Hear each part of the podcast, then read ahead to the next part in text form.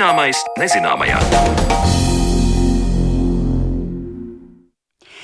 Esiet sveicināti raidījumā Zināmais nezināmajā. Ar jums sarunājas Mariona Baltkalne. Šajā reizē mēs pievērsīsimies jautājumiem, kas saistīti par un ap pārtiku. Ko mēs ēdam, ko varētu ēst un kāpēc nepieciešams radīt jaunus risinājumus pārtikas tehnoloģijās. Latvijā šobrīd darbojas vairāki jaunu uzņēmumi, kas veido produktus par labu cilvēka un kopējai vides veselībai. Drošība, veselība, ilgtspēja ir tie aspekti, par kuriem aizvien tiek domāts, radot pārmaiņas pārtikas sistēmā. Kā Latvijai kopumā sokas pārtikas inovāciju radīšanā un kas tika pārspriests šiem jautājumiem veltītā starptautiskā pasākumā Rīgā jūnija beigās, to skaidrosim raidījuma otrajā daļā bet raidījumu iesāksim ieskatoties mūsu arhīva stāstā par citām pārtikas tehnoloģijām, proti produktu sasaldēšanu un sālīšanu. Sālīšana, saldēšana vai garšvielu pievienošana jau no sendienām ir veids, kā paildzināt pārtikas produktu mūžu. Un turpmākajās minūtēs skatīsim, kādi ir procesi, kas notiek ēdienos, lietojot minētās metodes. Sāksim ar saldēšanu, kad temperatūrai pazeminoties, produktu šūnās sāk veidoties kristāli un visi mikroorganismi, vienalga ogās, gaļā vai sierā, nonāk anabiozē, proti stāvoklī, kurā līdz minimumam palēlinās vielmaiņa un izbeidzās dzīvības izpausmes. Vairāk par pārtikas produktu saldēšanu skaidro Valsts Zinātniskā institūta biodirektora vietniece laboratorija jautājumos mikrobioloģe Olga Valciņa. Veidojas ledus kristāli, ūdens kļūst neaktīvs, faktiski viss dzīvais kļūst neaktīvs un kristalizējas. Nu, ja tā vienkārši pavisam runājot. Un, protams, ka šis process ieved dziļā anabiozē visus dzīvos organismus, kas šajā produktā ir. Viss, kas dzīvo tajā brīdī produktā, gan baktērijas, gan parazīti, nonāk vai no anapiozē, vai pavisam iet bojā. Jo brīžos, kad veidojas ledus kristāli, arī dzīvo organismu membrānas var tikt saplēstas, un viņš var aiziet bojā pavisam. Tieši tāpēc daļai produktu cīņa pret parazītiem, pret daļu baktēriju. Saldēšana ir ļoti efektīva. Pietiek pat ar vienkāršu sasaldēšanu un atkausēšanu, lai daži slimību ierosinātāji ietu bojā pavisam. Bet tas, protams, ir bez garantijas, tāpēc tas nav tāds vispār atzīts veids. Bet saldētā produktā mikroorganismu vairošanās ir apturēta. Un līdz ar to tas ir ļoti labs veids, kā ātri bojīgos produktus saglabāt ilgstoši. Un tur pats galvenais kriterijs ir temperatūra. Jo zemāka, jo dziļākā anabioze, jo dziļākā tādā plato stāvoklī atrodas produkts. Pie mīnus 4 grādiem, kur tā temperatūra jau nekad nav ideāli e, nesvārstīga, produkta dziļumā varbūt ir nulle, kur tas viss process turpinās. Tad mēs runājam tikai par dziļi sasaldētiem produktiem, mīnus 18 un zemāk. Šajā temperatūrā baktērijas nevairojas bet notiek citi procesi. Tā dziļā sasaldēšana var ietekmēt tik ļoti, ka tas produkts pēc atkausēšanas būs pievilcies ar citām smakām. To mēs esam pamanījuši. Viņam var turpināties lēnītēm citi ķīmiskie procesi. Tur gaļa var oksidēties, dzelteni tauki var palikt. Tas ir kas pie ilgstošas glabāšanas. Bet No baktēriju viedokļa visticamāk, ka produkts būs drošs, ja viņu pareizi ātri atkausēs un, piemēram, ceps to gaļu. No tā viedokļa tas būs droši, bet garša var nebūt laba, piemēram, desmit gadus ilgstoši glabātai gaļai. Standartā tas tomēr ir no pusgada līdz gadam, ko iesaka saldēt produktus, nu, ka ilgāk mājas saldētavā neturēt. Tas jau kļūst bīstami, tīpaši mājās mēs nekontrolēti glabājam. Vislielākais risks saldētiem produktiem ir sasaldēšana un atkausēšana vairāk kārtējā. Jo tajā brīdī, tieši tajā sasaldēšanas un atkausēšanas brīdī, kas ir uz robežas, aktivizējas visi mikrobi, aktivizējas visa toksīnu producēšana, tad gan var gadīties, ka pašu varbūt dzīvot spējīgo baktēriju nav, bet par tiem sasaldēšanas, atkausēšanas cikliem baktērijas paspēja saražot toksīnus, kuri palika produktā un kuri tajā brīdī jau paliek bīstami. Kas tie būtu par toksīniem un kā tā bīstamība izpaužas? Tās var būt gan pavisam sliktas baktērijas, kas var ražot arī tā skaitā nāvējošus toksīnus, bet visbiežāk tie būs stafilokoki, visbiežāk tie būs bacillus ģins baktērijas, kuras var radīt tādus toksīnus, no kuriem tā vienkāršā valodā runājot, cilvēkam būs jāsēž uz podara bļodu klēpī. Viņam būs vienlaicīgi gan vemšana, gan stipra caurē. Un tas ir vienmēr jāpatur prātā, ka sasaldēt un atkausēt vairāk kārtīgi ir daudz bīstamāk nekā ēst gaļas gabalu, kurš ir ideāli bijis mūžīgā sasalumā, dziļi sasaldēts vairākus mēnešus. Vai atšķiras, ja sasaldē, piemēram, ceptu vai vārītu produktu un svaigu? Piemēram, sogas ielieku saldētavā, tikko plūkts no krūma, vai arī zupu, ko vakar esmu vārījusi. Jā, šīs atšķirības ir būtiskas un ir jāņem vērā. Kā uz ogas, kas tikko norauta no krūma, tur varbūt gājis garām ir kāds uh, dzīvnieks, kurš ir uh, izkāpelējis pa to ogu vai pat uzčurājis vai uzkakājis uz ogas. Tad uh, šī oga jau var būt jau pati fiziski netīra. Savukārt, ja jūs termiski apstrādājat produktu, jūs jau visus tos ārējos piesārņotājus iznīciniet. Nu, lai neviens nedomā, ka zemeni vai aveni var tik ideāli nomazgāt, ka tur nekas nepaliks no tā, ja kaut kas ir bijis virsū. Un, attiecīgi, ja jūs sasaldējat šādu netīru ogu, un ja jūs viņu pēc tam ēdīsiet atkausēt un svaigu, tad jūs viņu tieši ar tiem visiem mikrobiem, parazītiem un citiem mošķiem, kādi viņš tur sākotnēji bija, tādu jūs viņu arī ēdīsiet. Vai tas nozīmē, ka tie parazīti un mošķi tēlēni izsakoties, būs aizgājuši gulēt ziemas miegā, un tad es viņus Jā. atmodinu. Tieši tā jūs ieliksiet visus tos parazītus un kaitēkļus anabiozē sasolumā viņi vienkārši nedarbosies. Daļa no viņiem, ne visi, jau teicu sākumā, ka daļa patogēnu neiztur saldēšanu, bet daļa iztur, atmostās un kļūst ļoti aktīvi, jo viņi tagad meklē iespēju kādu inficēt. Bet lielveikalos ir nopērkams saldēts sogas vai dārzeņi svaigi, un tur ir rakstīts virsū ātri sasaldēt pēc ātras sasaldēšanas metodas. Ātri sasaldēts nozīmē to, ka tas viss ir noticis ļoti, ļoti ātri, neveidojoties lielā lielām nu, ledus un sniega garozām, nu, kā jau mēs mājas saldētavā ieliekam, ir atšķirība. Ko var redzēt? Viņš ir sasalis viscauri. Viņš ir sasalis kopā ar visiem tiem organismiem, kas ir bijuši uz produkta virsmas, bet veikalogām tiek veiktas pārbaudes šiem saldētajiem produktiem. Tos, kas ved no trešajām valstīm, tiem pat pārbauda gan C hepatītu, gan noravīrusus. Tātad abas ir zarnu infekcijas. Tā kā šādas pārbaudes notiek. Pasaulē ir bijuši daudzi gadījumi, kad vaigus augļus un dārzeņus inficē ar laistāmo ūdeni, kad ņem ūdeni no upes, nevis tīru dzeramu ūdeni. Tā kā tas risks vienmēr ir jāņem vērā. Tātad zināms risks vienmēr pastāv, vai mēs nopērkam saldētu produktu vai paši sasaldējam. Ja mēs skatāmies tālāk uz citu produktu ilgmūžības paildzinātāju, proti sāls un citas garšvielas, sāls kā konservants, ko tas iznīcina un ko tas saglabā, ja piemēram mēs sasālam dārzeņus, gurķus, kāpos un gaļu. Es gribētu nodalīt eh, divas lietas. Šajā gadījumā es sāli nesauktu par garšvielu. Sāls ir tātad garšas pastiprinātais, bet jūs runājat par sāli kā konservantu. Un ar sāli var izdarīt divas lietas. Ar sāli var palīdzēt produktiem noritēt tā saucamajai pienskābai rūkšanai. Tā ir skābēšana, par kuru mēs visi zinām. Tur arī ir vajadzīgs tikai sāls un ūdens, piemēram, lai ieskābētu kāpostus, gurķus vai citus produktus. Tas ir viens no glabāšanas veidiem. Un otrs ir īstā sālīšana, kad nekāda rūkšana nenotiek, ka produkts ir daudz sāļāks. Un vēl trešais - īstā sālī glabāt. Jūs zināt tās metodas, ka, piemēram, svaigus gurķus vai ābolus vienkārši ar sāls kārtiņām liek. Un pēc tam atmērcē un ēd it kā svaigu. To agrāk lietoja, tās ir tādas labi zināmas metodas. Tāpat speķi var uh, ar sāli, biezā kārtā sāli uznesot virsū, apturēt. Ko dara sāls? Sāls atņem šiem mikrobiem visu šķidrumu. Ja atņem mikrobiem šķidrumu neļauj līdz ar to baktērijai dzīvot.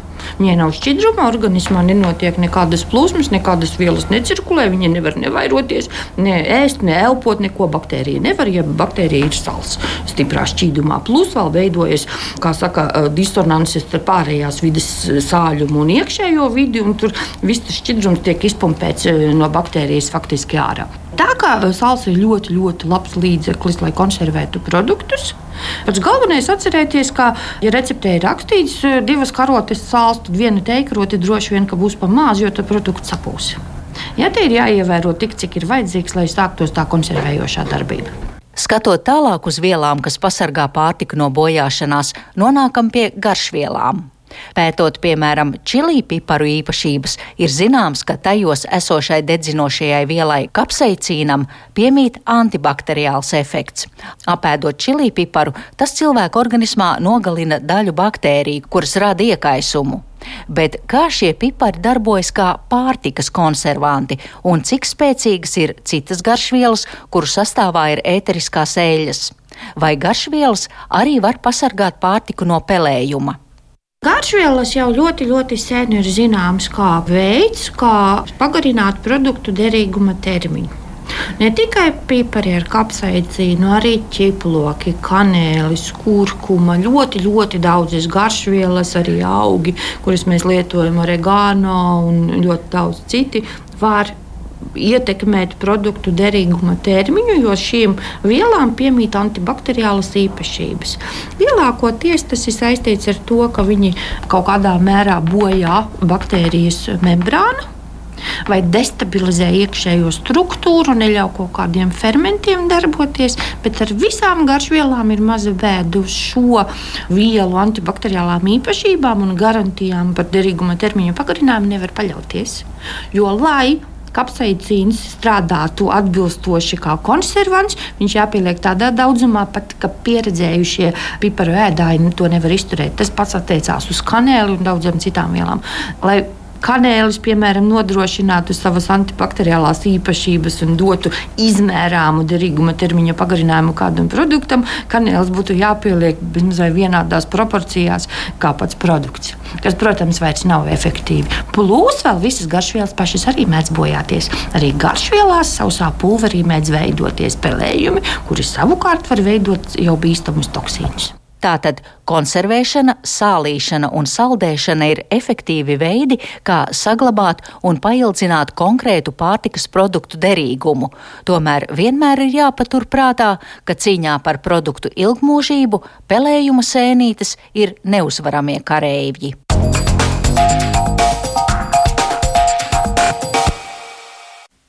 Dzirdējāt Zanes Lāces Baltāksnes veidoto materiālu no mūsu arhīva krājumiem par to, kā pārtiku palīdz saglabāt tās sasaldēšana un sālīšana, bet par citām inovācijām pārtikas ražošanā stāsts raidījuma turpinājumā jau pēc brīža.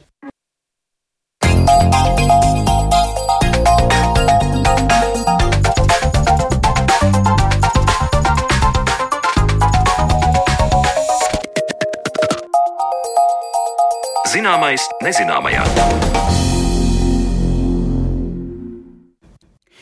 Pieaugot pasaules iedzīvotāju skaitam, aizvien tiek runāts par to, kā nākotnē cilvēkus būs iespējams paēdināt. Dzīvojot klimata pārmaiņu diktētā pasaulē, vairāk jādomā par jauniem resursiem, kurus varētu izmantot pārtikā, piemēram, liela sausuma un karstuma apstākļos. Dažkārt jaunais ir labi aizmirsts vecais, bet skaidrs ir tas, ka tehnoloģijas var uzlabot mūsu pārtiku, padarīt mūsu dzīvesveidu veselīgāku un galu galā saprast, ka varbūt būt ēdams, ir arī kaut kas tāds, ko esam uzskatījuši par nēdamu.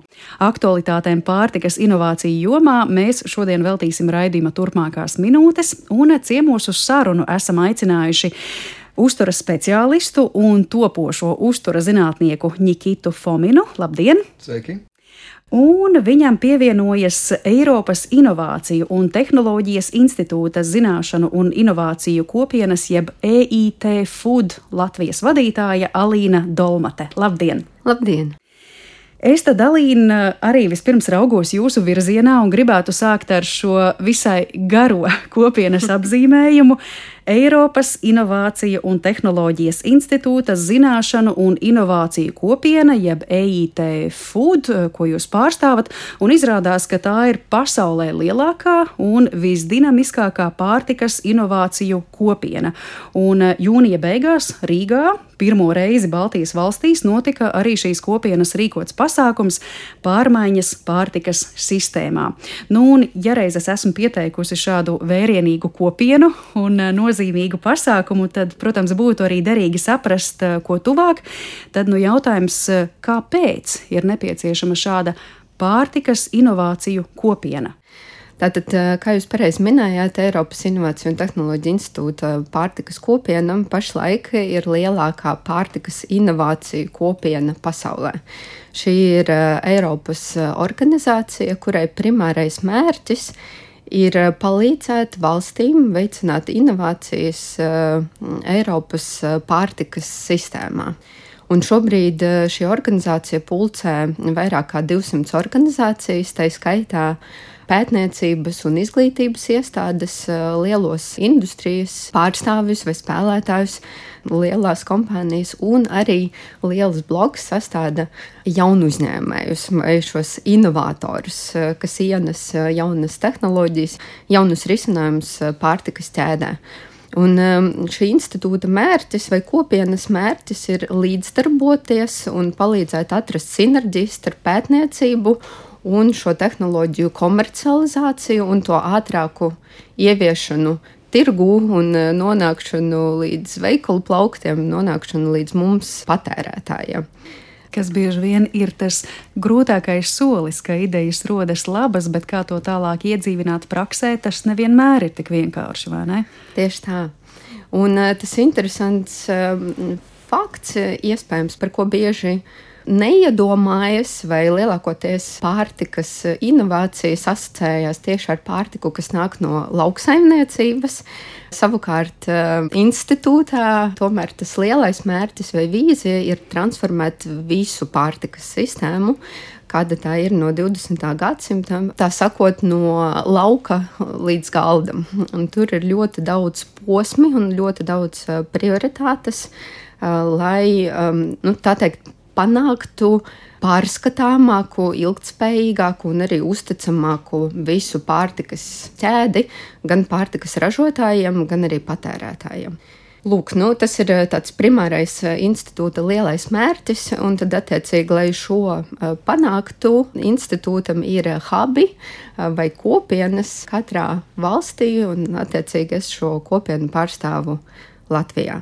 Nu, lūk, un atgriežoties pie jūsu jautājuma par nesen notikušo konferenci, mums ir eh, liels prieks un eh, pagodinājums, ka pēdējā gada laikā mums izdevās eh, šo konferenci atvest uz Rīgu, uz Latviju.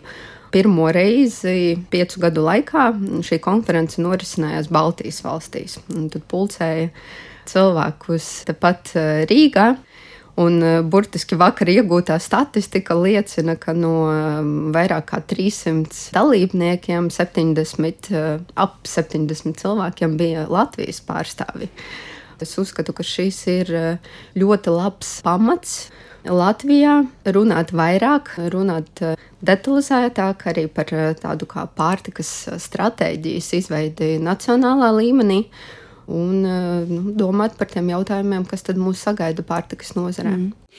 Jūs, eh, Alīna, iezīmējāt šo teiksim, tā, virsmērķi savest kopā zinātnisko pusi ar jaunu uzņēmumu pusi. Es savukārt eh, mūsu sarunas ievadā iezīmēju iespējamās varbūt problēmas, kāpēc vispār mums būtu jārunā par pārtikas inovācijām. Vai tas sasaucas arī ar jūsu kopienu un vispār šo pasākumu, kāpēc tādas inovācijas ir zinātniekiem jārada? Un pēc tam jāaizved līdz jaunu uzņēmumiem. Nu, piemēram, zaļais kurs, klimata pārmaiņas, varbūt cilvēku kādas saslimšanas, nepanesības, pasaules pārapdzīvotība un vispār nepieciešamība meklēt jaunus pārtikas avotus. Absolūti. Jūs ieskicējāt tieši nu, lielu daļu mm. no tiem izaicinājumiem, kas šobrīd skar pārtiku sistēmu. Bet mēs mēdzam arī teikt, ka Iespējams, to, ko mēs neapzināmies, eh, pārtikas sistēma saskarās ar vismaz trim krīzēm pašlaik. Un, uh, Viena ir ilgspējas krīze, ko mēs jau ilgāku laiku novērojam, bet arī pandēmija ļoti stipri skāra un iešūpoja, teiksim, vai parādīja robus visā pārtikas piegādes ķēdē, kā arī, diemžēl, karš Ukrainā šobrīd arī rada mums, ka pārtikas sistēmai vai pārtikas sektorā ir jāspēj pielāgoties, ir jāspēj rast dažādi resursu avoti. Un ka pārtika kopumā nu, tas ir absolūti liels un svarīgs aspekts iedzīvotājiem, mums patērētājiem, un mums ir jādomā par nākotni. Mums ir jāskatās uz jaunām tehnoloģijām, gan uh, efektivitātes veicināšanai pārtikas sektorā, gan arī izmaksu ziņā. Mēs nevaram noliegt, eh, ka, protams, cilvēki pamana arī eh, cenu pieaugumu, resursu trūkumu. Mums ir noteikti jāanalizē, mums ir jāskatās, eh, kur virzās gan tehnoloģiju attīstība, gan resursi, gan lauksaimniecības prakses, lai būtu adaptīvākiem, būtu elastīgākiem reaģējot uz šāda veida krīzēm. Mm. Lielajos Eiropas Savienības mērķos, kā jau jūs minējāt, arī zaļais kurs un uh, no lauka līdz galdam stratēģija, gan arī pašā institūtā ir iezīmētas trīs lielās prioritātes, vai misijas, vai virzieni, teiksim, kuros šie jauni risinājumi tiek atbalstīti vai meklēti. Uh, un tie ir viens liels bloks, ir tieši domāt par pārtiku kā rīku veselības veicināšanai. Tā kā pārtika plus veselība ir tas viens lielais. Milzīgais bloks, kas arī gan meklē atbildi uz risinājumu aptaukošanās problēmu cilvēkiem ar īpašām uztura vajadzībām, alerģijām, iespējams, arī kaut kādām pārtikas nepanesamībām Tad otrs liels bloks ir um, nozares uh, ilgspēja un emisiju samazināšana, kur vairāk tiek pieskarts uh, jautājumiem uh, lauksaimniecībā, ilgspējīgas lauksaimniecības prakses, reģeneratīvas ilgspējas prakses un viss tas, kas nāk nu, burtiski sākot ar augsni līdz nonākšanai uz mūsu galda. Un tad trešais liels bloks ir tas pārtikas drošības aspekts visā pārtikas piegādes ķēdē. Un e, šīs sistēmas vai ķēdes pārskatāmība, e, no kurienes nāk e, pārtika, kas ir tas sastāvdaļas un kā mēs burtiski veicinām izsakojamību, ka mēs tiešām ēdam vai patērējam kaut ko kvalitatīvu. Un tas, ko mums arī parādīja gan tas aspekts, kuram pieskārās konferencē, ir, ka aizvien vairāk patērētāji vēlās zināt to avotu un no kurienes tad nāk tas produkts. Tad es saprotu, šie trīs, teiksim, tā vaļi, veselība, drošība, ilgtspēja, tas ir tas, kas būtu paliekams zem šī jumtiņa pārmaiņas pārtikas sistēmā, Tieši kāpēc tā. šīs pārmaiņas ir vajadzīgas, tad eh, cik lielā mērā šīs pārmaiņas jau šobrīd notiek. Teiksim, kā jūs to vērtētu pēc aizvadītā pasākuma?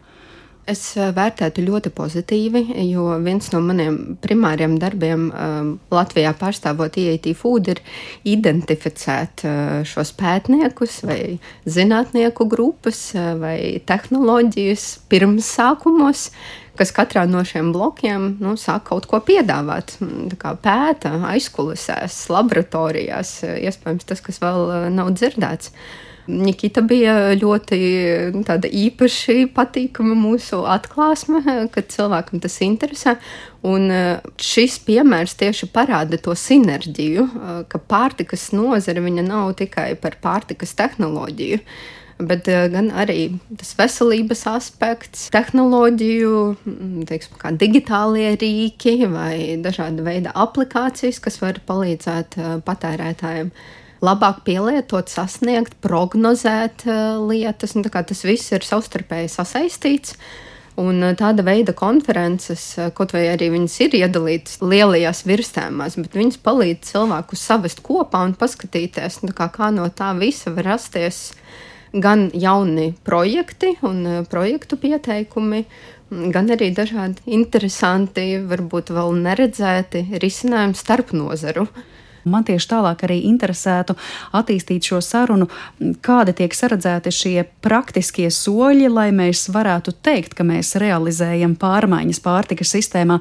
Man viena no domām, kas iespējams daudziem uzreiz ienāk prātā, it īpaši, ja mēs runājam par ilgtspējību, par zaļo kursu un klimata pārmaiņām, ka pārmaiņas pārtikas sistēmā nozīmē maksimāli meklēt, piemēram, augu valsts izcelsmes produktus vai kādus resursus, lai mēs tagad ar tiem aizstātu dzīvnieku valsts produktus.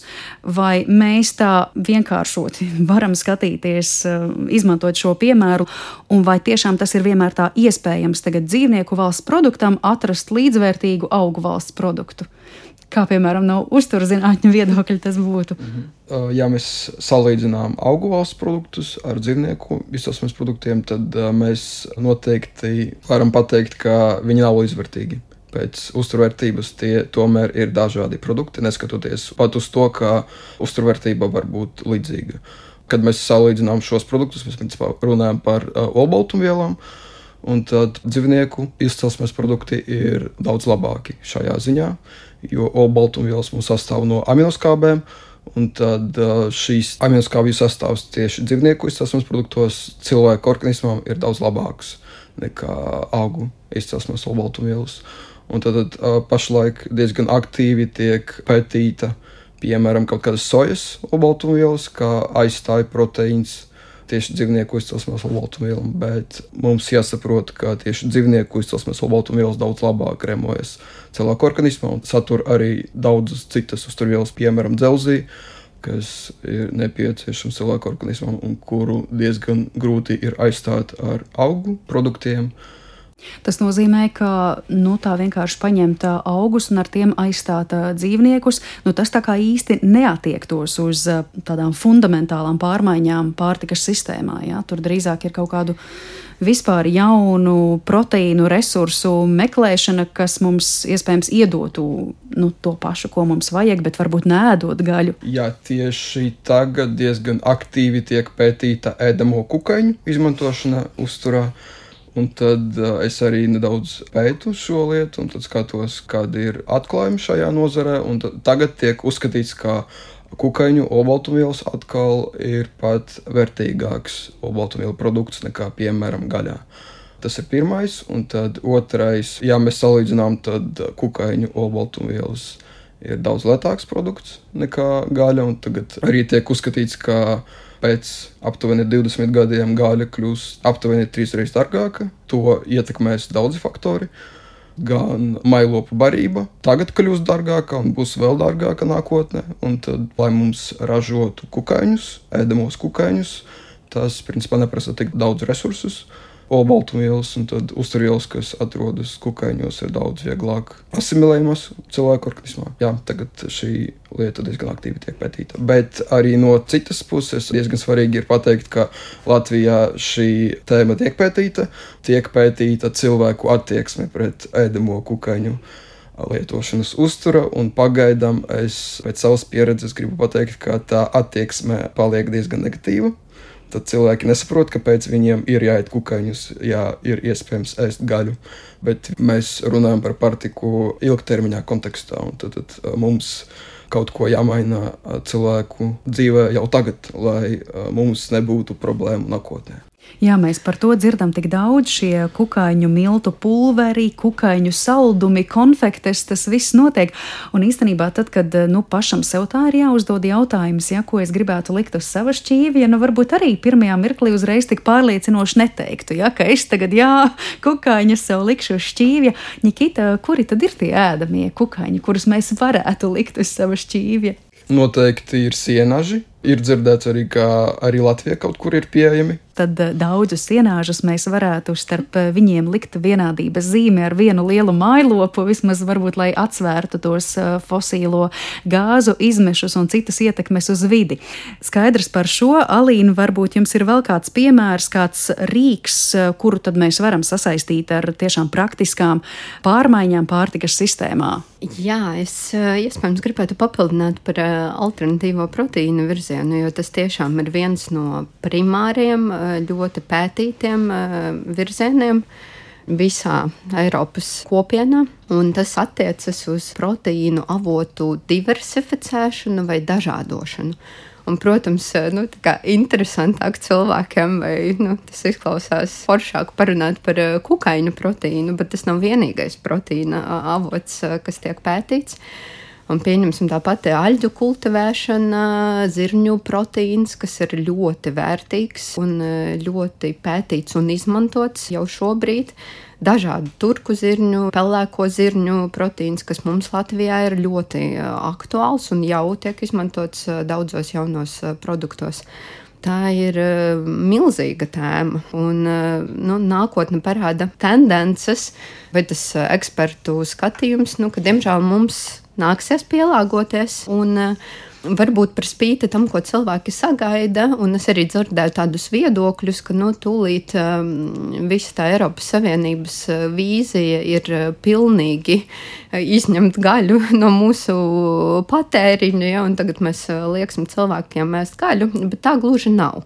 Eiropas kontekstā tiek runāts tieši par avotu dažādošanu un kā mēs varam kombinēt un padarīt tos jaunos produktus eh, gan par uzturvērtībā bagātākiem, veselīgākiem un arī ilgspējīgākiem. Un, piemēram, viens no virzieniem, ko mēs tagad ar TU arī vienā projektā pētām kopā ar eh, Latvijas ražotāju Milzu, tieši kā uztaisīt tādu jaunu miksu produktu, vai kas būtu tas, ko patērētāji būtu gatavi patērēt, un kādā veidā viņi to būtu gatavi patērēt, kas sastāvētu gan no gaļas, gan no alternatīvā proteīna avota.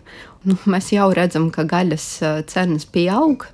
Un, eh, nu, cilvēkiem nāksies pielāgoties un balsot ar savu maciņu. Un, eh, iespējams, nu, nav nemaz tik eh, negaršīgs vai tik neinteresants produkts, kas ir miks. Piemēram, sastāvā no 30% gaļas un 70% cita ļoti laba proteīna avota, kā zirņu proteīna.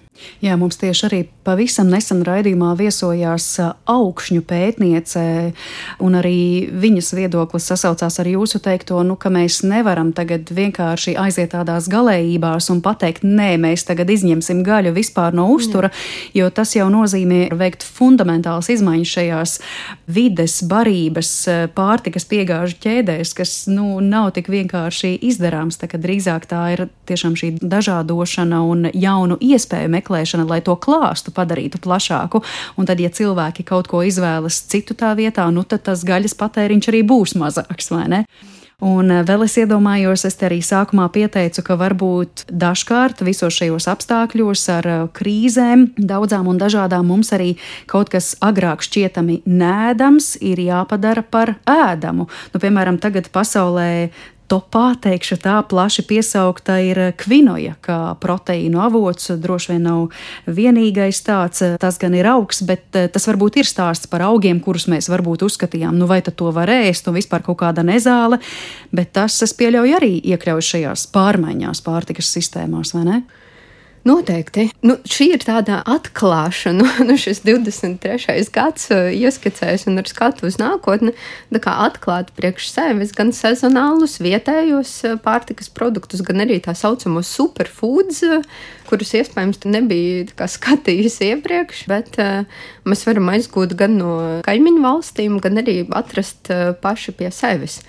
Un, piemēram, arī atbildot uz jūsu jautājumu par to, nu, kā mums veicās, mums īstenībā veicās ļoti labi, un es eh, gribētu palepoties un nosaukt vismaz dažus eh, jaunu uzņēmējus, kā Fermentful, eh, zaļo griķu kefīrs, kas ir tāds augu izcelsmes dzēriens, kā kefīra aizstājējs ja, ar tādu kefīram līdzīgu konsistenci, kas jā, tiek veidots uz zaļo grīķu bāzes.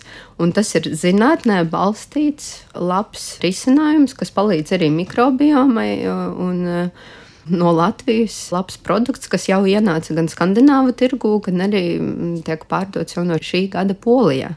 Tāpat kā pieņemsim Got Foods alternatīva pienam, viņiem ir gan bez piens, gan nu, piena alternatīvas. Arī viņi ir uzņemti šobrīd Eiropas Innovāciju un Tehnoloģiju pārtikas akceleratorā un turpinās savu ceļu Parīzē kopā ar citiem jaunu uzņēmumiem, lai šo produktu attīstītu un virzītu tālāk tirgu. Līdz ar to nu, mēs esam ļoti labi, un mm. man ir ar ko lepoties kā kopienas vadītājai, ka jau otro gadu pēc kārtas eh, vismaz trīs jaunu uzņēmumi tiek uzņemti šajās eh, lielajās Eiropas akcelerācijas programmās, lai turpinātu savu ceļu uz ārvalstīm. Tiek ļoti labi novērtēti, un varbūt mums izklausās trīs maz, bet mm. pagājušajā gadā mūsu trīs bija vairāk nekā divi no visas polijas. Līdz ar to panākumi mums ir gan šo jaunu sastāvdaļu meklēšanā, gan to pielietojumā tālāk jaunos pārtikas produktos. Mm -hmm. Nikita, es gribētu arī pievērsties uh, jūsu pētnieciskajai pusē un uh, zinātniskajam darbam cilvēku veselības uh, labā. Tātad mēs esam runājuši par pasaules mēroga kopienu pārtikas inovāciju attīstīšanai, un jūs esat bijis dalībnieks arī Rīgas Tehniskās Universitātes biznesa inkubatorā Demola. Kāda ir jūsu pieredze šajā programmā, cik tur bija svarīgi un cik daudz tur arī bija iespējams attīstīt kādas pārtikas inovācijas? Jā, tad, tad uh, Demola ir biznesa inkubators, un tad šogad tika piedāvāti aptuveni desmit dažādas problēmas, un tad, tad tikai viena no tām bija saistīta tieši veidā ar veselību. Un tad problēma bija, kā atrast inovatīvus risinājumus, lai tiktu galā ar aptaukošanas problēmu. Uh, Tiklīdz es uzzināju, ka kaut kas tamlīdzīgs notiek Latvijā, es uzreiz pieteicos, jo tas ir principā tas, ko es daru uh, ikdienā, savā dzīvē, kaut kur pēdējo četru gadu laikā. Un tad, ja es piedalījos šajā programmā, mēs bijām pieci cilvēki, tad mēs kopā meklējām to risinājumu. Diezgan aktīvi pasaulē tiek attīstīts tāds virziens kā biomedicīna. Un tad, principā, šis virziens apvieno sevi gan medicīnu, gan molekulāro bioloģiju, gan programmēšanu, gan matemātiku, matemātisko statistiku un arī pašlaik arī mākslīgo intelektu. Ar visām šīm lietām es nodarbojos savā ikdienā, un tad mana ideja bija izmantot vai nu cilvēka ģenētisko materiālu, lai meklētu kaut ko un efektīvāk ārstētu aptaukošanās. Un tad otrā mana ideja bija izmantot tieši mikrobiomu datus, tad zarnu mikrobiomu.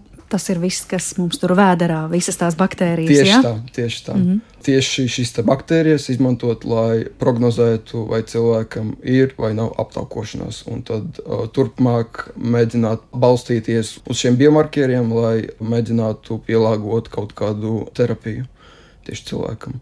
Jā, un tad, principā, tas bija arī tā ideja, pie kuras mēs pieturamies, un tad beigu beigās šo ideju arī aizstāvējām.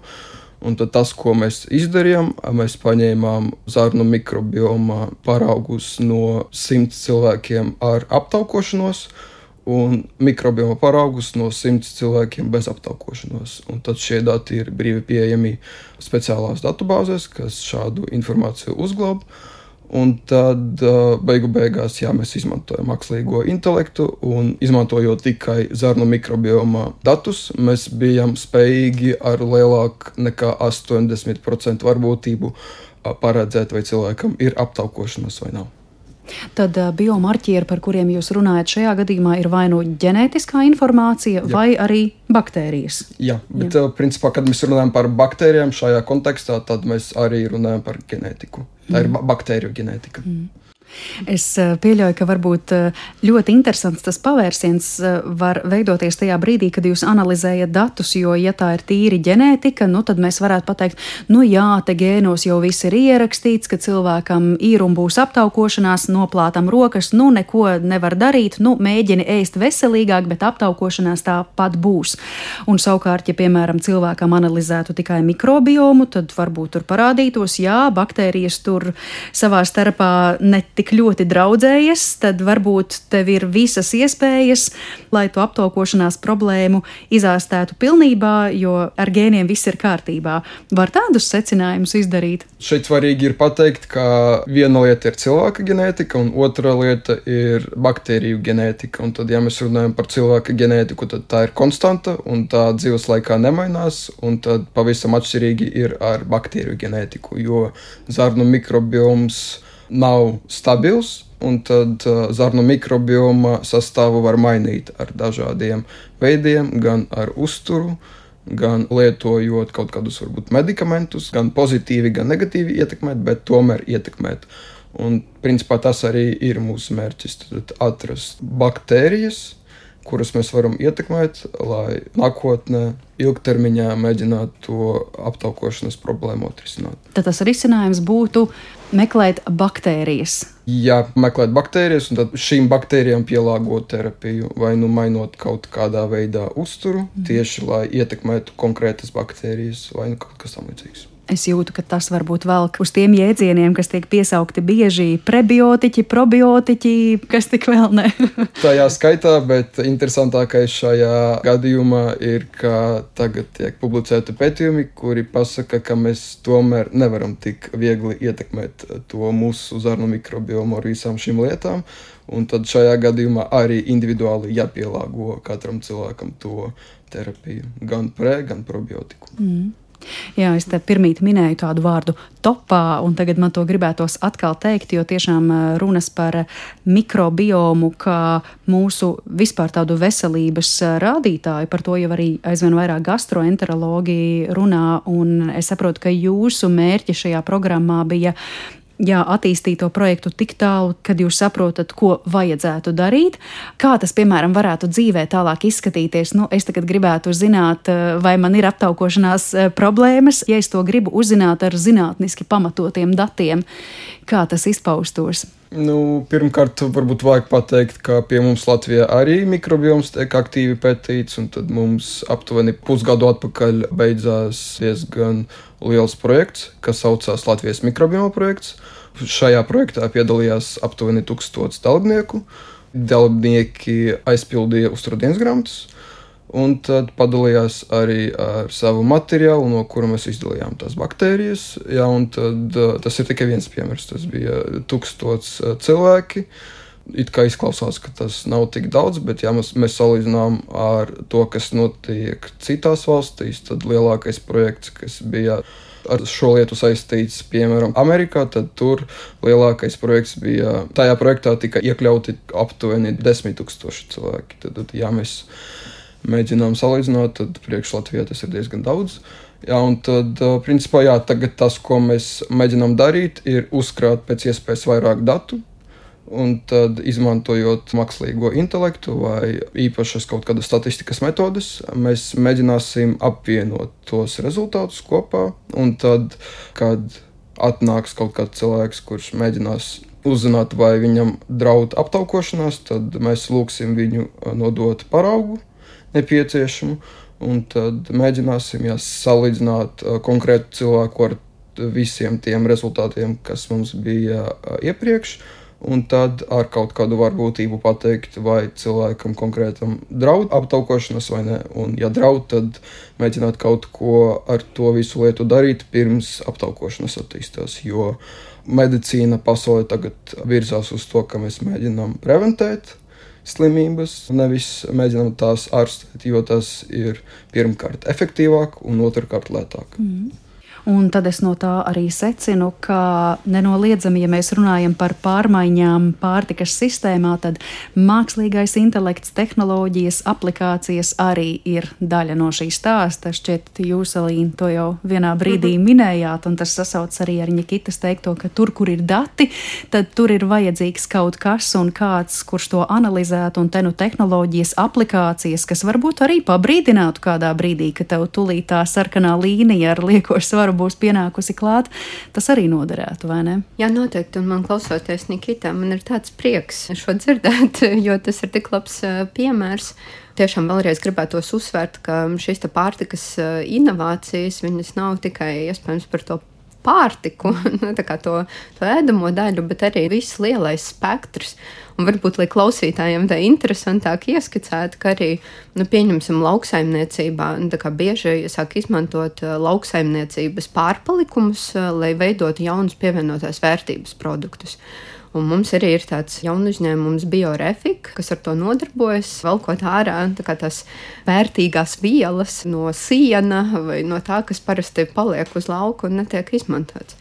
Pašlaik Eiropas Savienībā ir pieejami līdz 200 miljardiem finansējums eh, lauksaimniecības un pārtikas inovāciju attīstībai, bet tas, ko mēs redzam, tikai 4% no jaunu uzņēmumiem darbojas šajā jomā.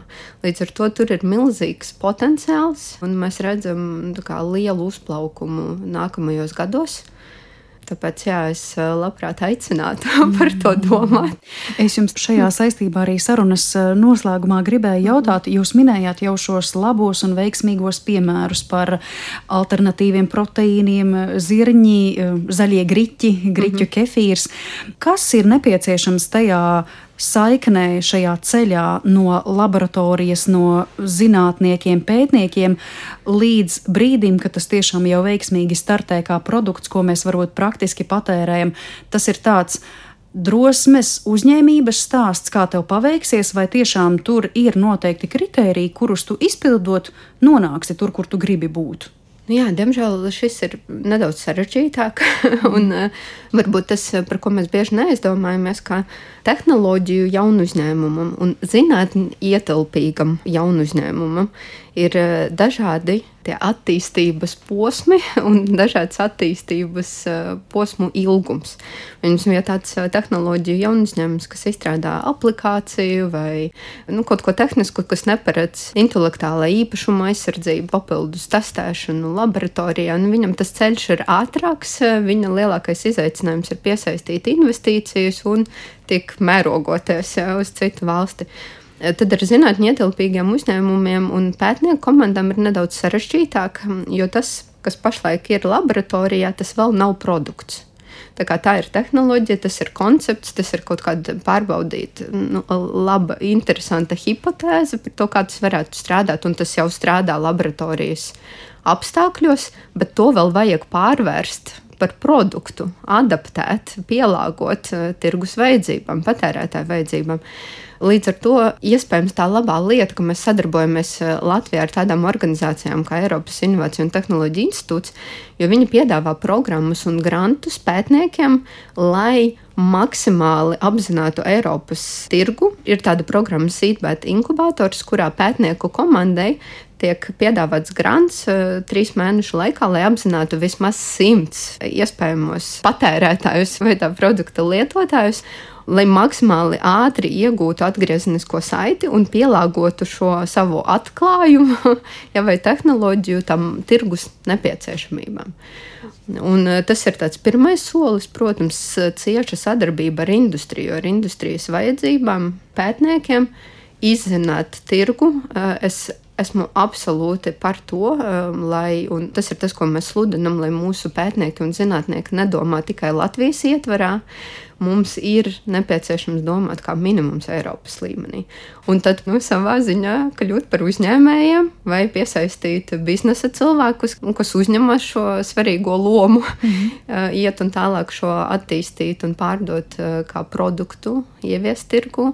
Un, Nikita, vai jūsu zinātniskais ceļš tālāk arī ved līdz tādām biznesa platformai, lai to, ko jūs esat sapratuši, jūs arī attīstītu kā produktu iespējams? Jā, noteikti gan tas, kas tika izdarīts, tiks attīstīts arī turpmāk. Un tad iepriekš es pieminēju, ka tika apskatīti 200 cilvēki un tad izmantoti, lai parādītu, ka tas uh, produkts strādā un tad mēs varam to izmantot. Bet turpmāk es noteikti izmantošu daudz vairāk datus. Un tagad varu padalīties ar to, ka tagad man jau ir izanalizēti aptuveni 3000 cilvēki no dažādām valstīm. Tur ir gan cilvēki no ASV, gan no Izraēlas. Tur arī tiks izmantoti cilvēku dati no Latvijas. Tad mēs mēģināsim to visu apvienot, lai tas mūsu modelis būtu pēc iespējas precīzāks, jo precizitāte pašlaik ir 80%, bet mēs